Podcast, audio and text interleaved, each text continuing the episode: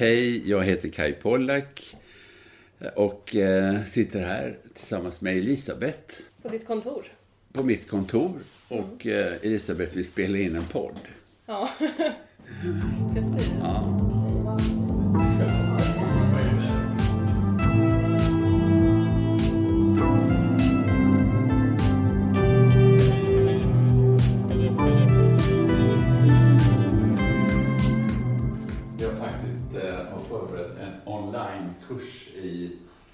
personlig utveckling. Ni lyssnar på Inblick och jag heter Elisabeth Hedström. Det här avsnittet handlar om Kai Pollak och hans inspirationer. Han kommer att prata om en bok, en film och en person som är hans största inspirationer just nu. Och det här avsnittet kommer att delas upp i två delar. Så i eh, dagens avsnitt kommer han prata om boken och filmen. Det gör det verkligen. Det ekar väldigt ja. Jag är på hans kontor i Sundbyberg och vi sätter oss kring ett litet bord. Och vi börjar prata om boken som han har valt. Vad, vad är det för bok? Ah, det är alltså en... Det, det är inte många som har läst den och den är väldigt svår att få tag i idag. Den heter Denna bländande frånvaro av ljus. Och man kan nog hitta den på ett antikvariat kanske. Men det är en av de absolut bästa och starkaste böcker jag har läst. Och det blev en före och efter för mig när jag hade läst den boken. Den berättar om ett fängelse som en människorättsorganisation hittar i Marocko 1991. I en liten ort som heter Tasnamar. Och där hittar de alltså ett fängelse som är byggt under jord. Och där finns två block med 25 celler i varje block. Och eh, de som sitter där, när de hittar det, har de suttit där i 18 år. I total mörker.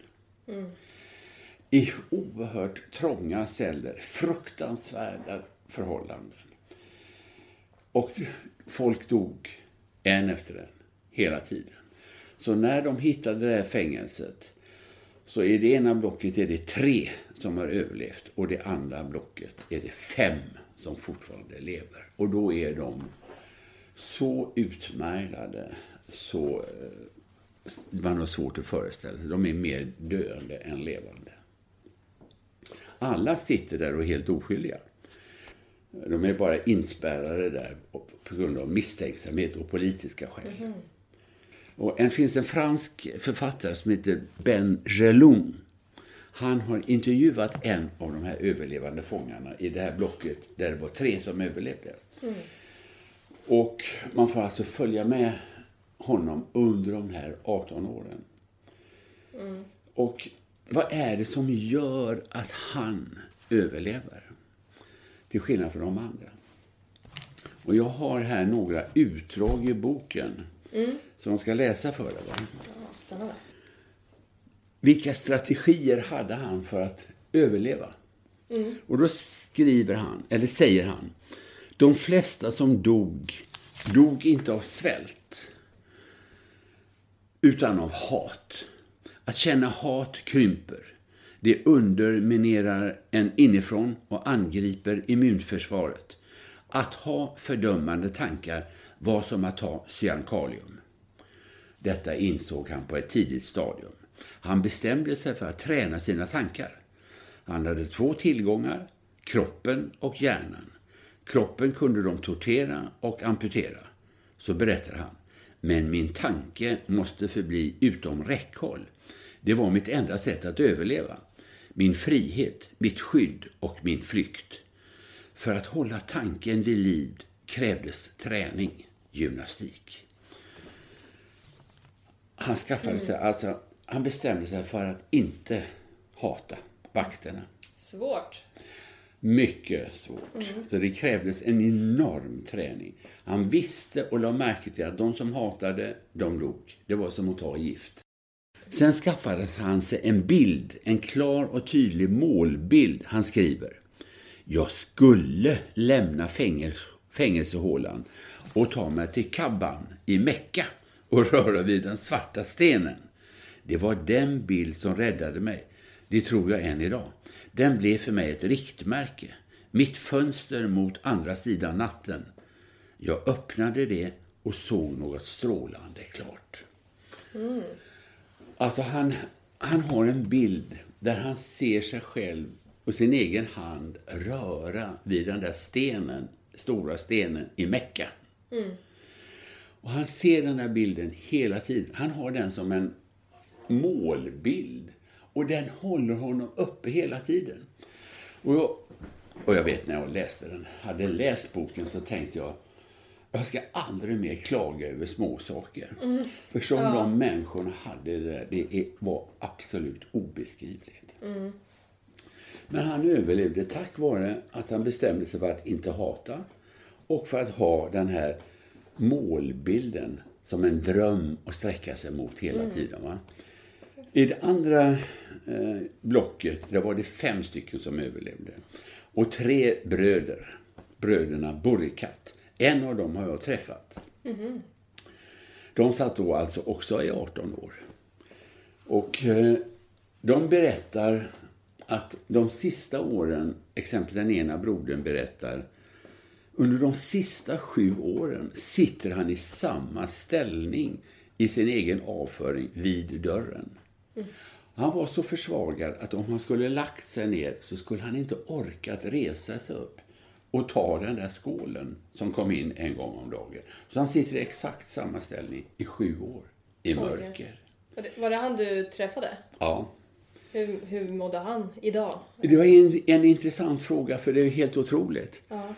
Han skrev en bok som heter 18 år av ensamhet. Mm. Och han hade inte ett spår av bitterhet med sig. Hans kropp var märkt av de här åren. Mm. Men hade ingen bitterhet kvar. Och det var helt otroligt att se. Det vill säga, var så fantastiskt lärorikt att, att vara med om det och komma ut utan bitterhet. Men de tre bröderna överlever tack vare att de hela tiden, lite grann på samma sätt som han som hade det här handen skulle röra stenen i Mecka. Men de kunde höra varandras röster. Så de berättar hela tiden fantastiska berättelser. Hur de går i Paris och går på fina restauranger och de går på teaterbesök och de är ute och badar vid havet och de ser pjäser och de berättar böcker för varandra. Det vill säga viljan att komma ut, att vara levande. Mm. Livslusten var så stark. Och också det påverkade immunkapaciteten mm. hos dem, cellerna. Alltså, de hade en vision. Vi ska gå ut, komma ut och vi ska leva igen. Mm. Så det är otroligt lärorikt. Men överlevde alla de här bröderna då? Som alla tre bröderna okay. överlevde. Det är fantastiskt. Ja, verkligen. Så att när man, när man, själv, är väldigt, man själv är väldigt olycklig och deppad, då tänker jag på han mannen i det här fängelset. Ja. Och, och, alltså att, att istället då ändra sina tankar och tänka på något fantastiskt istället. Mm, just det, för det, ju, har ju, det håller du på med mycket med, med dina föreläsningar. Ja, ja, ja, så det har ju betytt mm. någonting för mig. Uh, för alltså under vintern var det fruktansvärd kyla. Så de fick sitta liksom och hålla sig vid liv överhuvudtaget.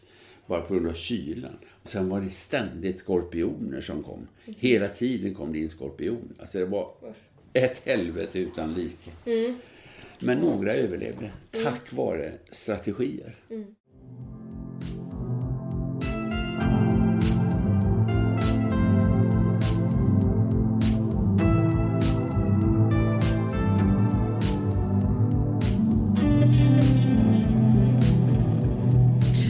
Kai fortsätter med filmen. Han säger att det var svårt att välja men till sist valde han en ganska okänd dokumentär om Moder Teresa. Och den ser jag, vet du, för... Ja, är det 35 år sedan eller något liknande. Mm. Eller 40 år sedan faktiskt. Jag ser den för 40 år sedan. Jag är ensam hemma en kväll och det är julafton. Ja. Och sent på kvällen på julafton så skulle de sända denna filmen. Ja. Och tänkte jag ska titta på den. Och då, Moder Teresa, hon är ju död nu va, men hon, det är alltså ett amerikanskt filmteam som följer henne över hela jorden. Hon är och hälsar på presidenter där och, och får priser där va. Och så är hon och skurar golv där och så är hon och undervisar på en skola för unga eh, Moder Teresas systrar unga flickor som vill bli Moder Teresas systrar. Och så kanske hon hjälper en döende man där i något fattigt område att dö. Men så finns det en sekvens. Hon befinner sig i Libanon när det är krig i Libanon. Mm. Staden är delad. Det går en linje mitt genom stan. Och hon har fått reda på, och alltså det är ruiner och man hör bombkrevader och så här. Om hon har fått veta att på andra sidan den här linjen finns det ett barnhem för handikappade barn. Så hon vill åka dit och hämta de där barnen. Och de säger, det är livsfarligt, det går inte att ta sig dit. Men hon är alltså helt, hon är skär genom stål. Det är bara män runt henne. Hon säger, jag uppskattar om ni kör fram en bil till mig. Och de kör fram en bil till mig. Och så får man se den där bilen åka genom de här grushögarna och det här amerikanska filmteamet kommer efter.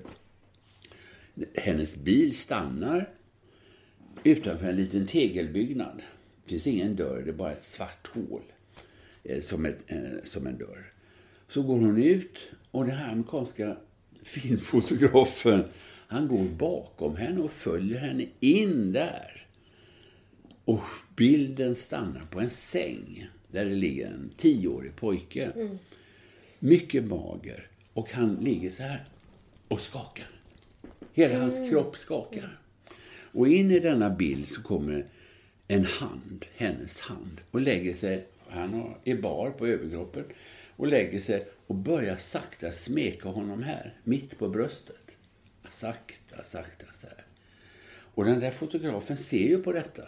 Och han vrider upp kameran och för han vill se hur hon ser ut. Så in i bild kommer hennes ansikte och hon bara ler. Hon är som en jättelik sol. Mm. Bara ett enda stort leende. Och han tittar på det där ansiktet. Och så vrider han ner kameran igen mot pojken. Och inför kameran får man se hur pojken sakta blir stilla. Och det kommer ett litet, litet leende. Och då böjer hon sig ner och ska lyfta upp honom. Mm. Och där är, kommer det ett klipp, sekvensen är slut. Sen så kommer det en sekvens där hon är och undervisar på en sån här Moder Teresa-skola. Där sitter unga flickor. Och så berättar hon det, att det finns inget som är så läkande och inget som är så helande som det alldeles, alldeles äkta leendet. Och då, vet du, då är det en flicka. En ung flicka som räcker upp handen. Hur lång tid tar det att lära sig närma sig en av de mest utstötta, bland de mest utstötta, med ett alldeles äkta leende? Alltså, vad menar hon när hon säger närma sig en av de mest utstötta, bland de mest utstötta? Det är så de kallar dem som de arbetar och hjälper. Det är alltså någon stackars människa som har legat i rännstenen i sin egen avföring kanske i flera veckor och luktar kanske fruktansvärt. Mm. Hur lång tid tar det att lära sig närma sig en sådan människa med ett alldeles, alldeles äkta leende? Och då säger Moder Teresa, ja, det tar i allmänhet eh, sju år att bli av med sin egen rädsla. Och det blev en avgörande betydelse för mig. Mm -hmm. Alltså, det är först när jag är helt befriad från rädsla som jag kan ge ifrån mig ett alldeles äkta leende. Jag kan mm. fejka leende och säga att det är roligt att ni är här och allt möjligt. Men det alldeles sanna, absolut autentiska, äkta leendet, det kan jag bara ge ifrån mig när jag är helt fri från rädsla. Och till exempel, det hade en väldig betydelse för mig, till exempel när jag började föreläsa, kanske då för 35 år sedan eller någonting. Så, om vi tänker, jag ska ha en föreläsning för lärare, en studiedag för lärare. Jag hade en tid ganska mycket studiedagar för lärare. Vi tänker det är 35 år sedan. Och du vet, det börjar klockan nio och jag är ju där i god tid på morgonen, säkert klockan åtta och allt möjligt. Och sen några fem, tio minuter i nio, det är ganska många lärare i den där åldern. Och sen två minuter i nio så kommer det ytterligare några in genom dubbeldörrarna där borta. Mm, mm. Men två över nio stängde jag dörrarna och mm. började. Men det kom alltid några in fem minuter över eller tio minuter över. Mm. Det vill säga som kom för sent. Och då var jag så otränad och så ofärdig att jag direkt tänkte en negativ tanke om dem. Mm. Ja, det var ju några som borde skärpa sig. Mm. Och ja, det intressanta är om, om du verkligen tittar på det ögonblick. Där står jag och har negativa tankar om andra människor utan att veta någonting vad de har varit med om utanför dörren. Och då upptäckte jag när jag stod där och pratade att jag inte kunde le äkta. Mm. Kan du tänka dig stå inför flera hundra människor och prata och inte kunna le äkta? Det är en fullständig mardröm. Ja, det var, och du vet, när dagen var slut var jag fullständigt absolut utmattad. Och när jag kom hem så kanske någon frågade hur gick det där? Ja, det gick inte alls. För du vet, jag skyllde på dem. Mm. Och det är en enorm lögn att jag skyllde på dem. Sanningen till att jag förlorade min förmåga att ge ut ett äkta leende var att jag hade haft fördömande tankar om dem. Då förlorade jag omedelbart min spontanitet, min äkthet och min närvaro. Mm. Så det blev världens bästa lärdom för mig. Alltså det här dokumentärfilmen med Moder Teresa startade en slags resa för mig. Jag fattade plötsligt någonting. Så exempelvis nu så eh, vet jag ju det och jag är väldigt tränad på det. Jag, exempelvis om jag nu föreläser, vilket jag inte gör så ofta, men så är jag bara tacksam. Mm. För varenda människa som kommer, varenda en som kommer. Men eh, var inte det svårt då? Tog det sju år? Vad rolig fråga. Nej, det tog inte sju år.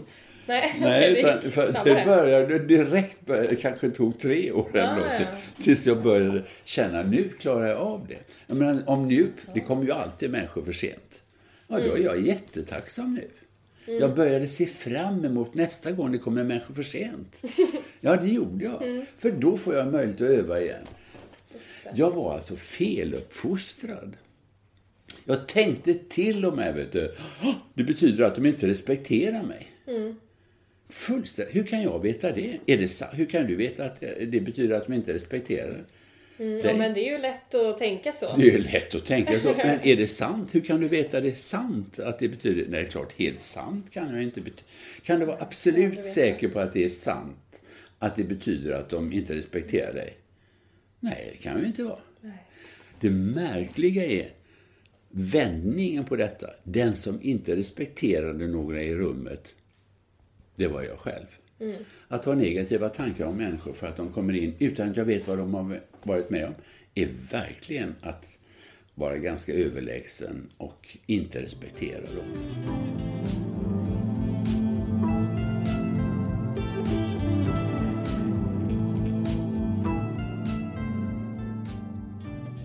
I del två kommer vi att få höra om personen som Kai har valt som sin största källa till inspiration. Men innan vi avslutar så kommer ett nytt segment som jag tänkte börja med. Och det går då ut på att eh, Kai i det här fallet får säga några korta ord om tidigare teman. Och ni får gärna ge feedback på det här segmentet till mig på min Instagram inblick podcast. Till exempel första avsnittet jag gjorde, då var temat kitsch kitschmöbler liksom. ja, 80-tal. Ja, alltså, det vet jag knappt någonting om. Jag vet ingenting om det. Jag är ju inte allt, gillar ju inte sånt. Så min första tanke är, jag gillar inte sånt. Nej. Jag vill ha gedigna träsaker och ja. organiska saker. Som har, som har sam, urform, samma ja. form för hundra år sedan. Sen har vi tema fest. Fest? Ja. jag är inte mycket för fester. Nej. Särskilt inte nu i pandemin. Men, ja, ja, men det kan väl vara roligt med fest. Det kan vara roligt med... Men jag är exempelvis... Jag har väldigt svårt att gå på sådana här mingelparty där man ska stå och prata. Mm. Jag har väldigt svårt för det. Mm. Varför då? Känner mig så, ja, det är en väldigt bra fråga. Varför då? Jag känner mig helt enkelt obekväm. Mm. Det är ju en övning att vara mm. alldeles sann. Jag skulle inte tycka det var obekvämt om jag klarade av att vara alldeles sann. Man mm. tycker det är obekvämt för att man inte är sann. Absolut. Mm. Men att stå och prata där om... Ja, jag har svårt för det. Och sista temat är motstånd då? det tycker jag är bra. Motstånd. är det bra? Ja, gör motstånd. alltså det tycker jag. Alltså hur? Politiskt motstånd? Ja, allt möjligt. Gör motstånd. Gör, gör uppror. ja. Gör motstånd. Ja. Uh, följ inte med flocken. Nej, Nej just det. Uh, för 17. Mm. Våga gå ur ledet. Om man har motstånd då i sitt uh, skapande. I så här, just det. Ja, ja men det, det, är också, det är också intressant motstånd.